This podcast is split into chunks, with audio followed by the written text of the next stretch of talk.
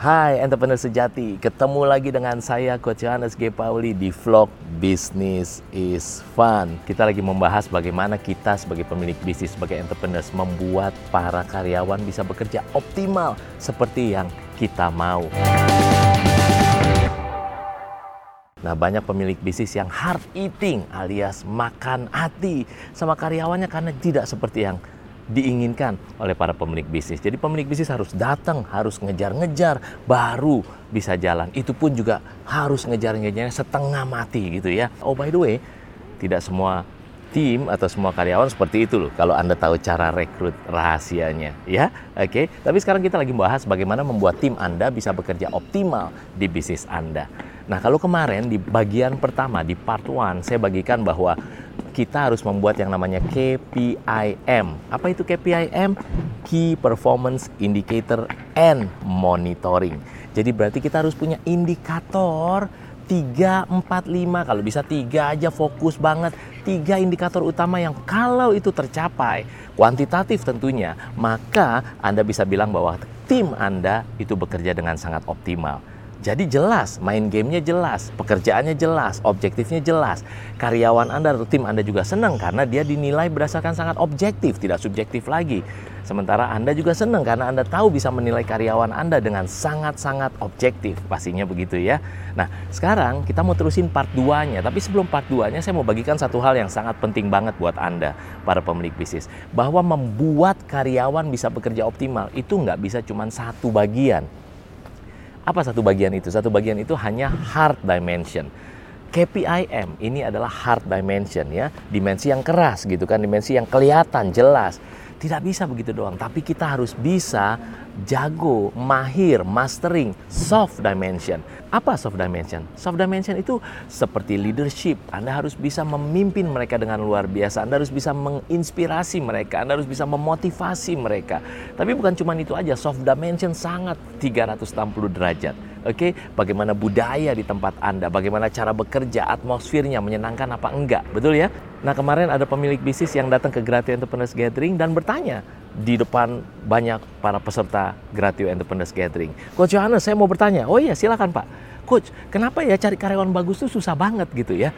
Nah, terus kemudian saya tanya, Pak coba kalau Bapak keluar dari sepatu Bapak, lalu kemudian Bapak ada di sepatunya calon karyawan yang mau bekerja di bisnis Bapak, tapi Bapak bukan pemilik bisnisnya ya, Bapak keluar, lalu kemudian Bapak jadi calon karyawannya. So pertanyaan saya buat Bapak, apakah Bapak mau bekerja di bisnis Bapak itu?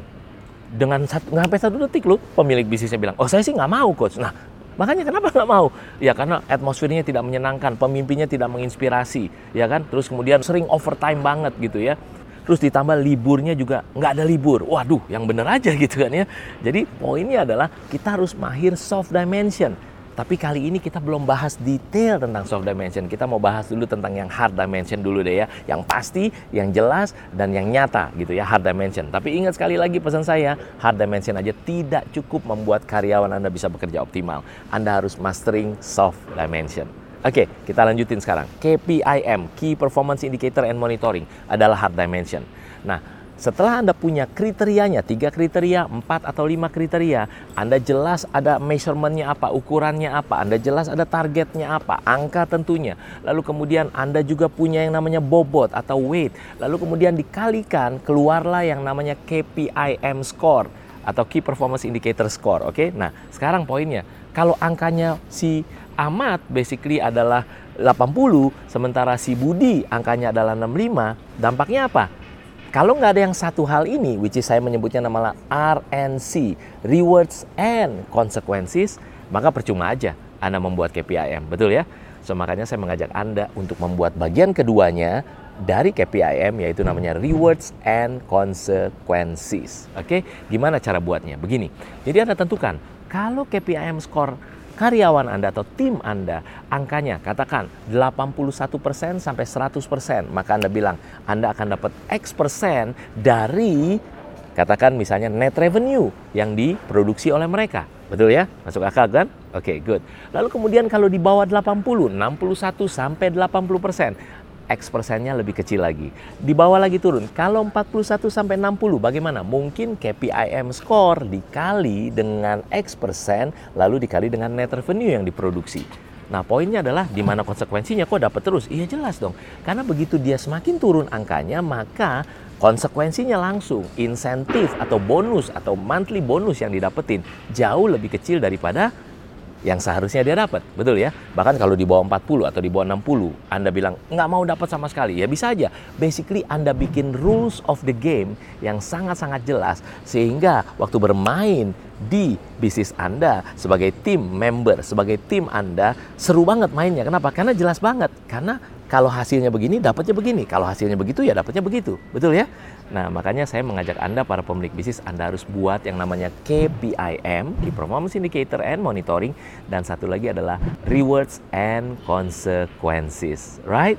Good. Nah, mungkin ada pertanyaan dari Anda juga bilang begini, Coach, itu kalau yang berhubungan sama sales, kalau jabatan atau posisi yang tidak berhubungan sama sales gimana? Nah, mudah saja Intinya adalah saya mengendorse, saya mengencourage para pemilik bisnis untuk memberikan yang namanya monthly variable bonus untuk tim bahkan bukan yang sales aja tapi bahkan non sales. Tapi caranya gimana? Caranya adalah simpelnya ya, karena vlog ini memang sengaja saya mau buat singkat supaya Anda bisa enjoy dan belajar dengan cepat. Tips demi tips gitu ya. Jadi simpelnya adalah Anda harus bikin bucket, Anda harus bikin ember dulu, X persen dari profit yang Anda mau bagikan kepada karyawan Anda, kepada tim Anda, masukin ke ember tersebut. Lalu kemudian nanti yang non-sales, maka ada KPIM skornya masing-masing. Anda bisa pro rate, Anda bisa pro rata. Lalu kemudian yang bagus nilainya, ya ambil dari embernya lebih banyak. Yang tidak bagus, ya ambil dari embernya lebih sedikit. Yang jelek banget, ya tidak dapat apa-apa dari ember dari bucket uh, monthly variable bonus tersebut. Si, jadi intinya adalah kita berbagi profit, kita berbagi apa kebahagiaan lah ya untuk untuk supaya tim kita semakin mereka bekerja dengan baik, kita bekerja dengan baik sama-sama di bisnis kita dan bisnis kita semakin bagus, maka kita akan sharing profitnya, kesejahteraannya. Gitu dong, ya kan? Nah, jadi itu yang akan saya bagikan kepada Anda. Tapi sekali lagi ingat bahwa KPIM dan RNC, Rewards and Consequences, itu baru satu bagian dari hard dimension. Saya jamin Anda tidak akan punya tim yang bekerja dengan optimal kalau tidak ada satu lagi yaitu dimensi soft dimension. Makanya sekali lagi Anda harus kuasai soft dimension tersebut dan harus kuasai dan lakukan yang namanya hard dimension. Jadi saya akan bagikan lagi tentang soft dimension nanti di vlog-vlog saya berikutnya supaya Anda tidak ketinggalan. Ingat untuk subscribe. Yuk, subscribe vlog Business is Fun ini. Kenapa sih namanya Business is Fun?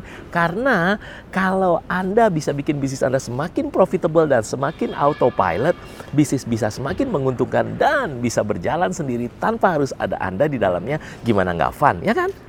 Makanya, ayo para pemilik bisnis, bikin bisnis Anda semakin profitable dan semakin autopilot.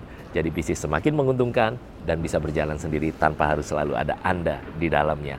Bisnis bisa jalan sendiri, pemilik bisnis bisa jalan-jalan. Oke? Okay?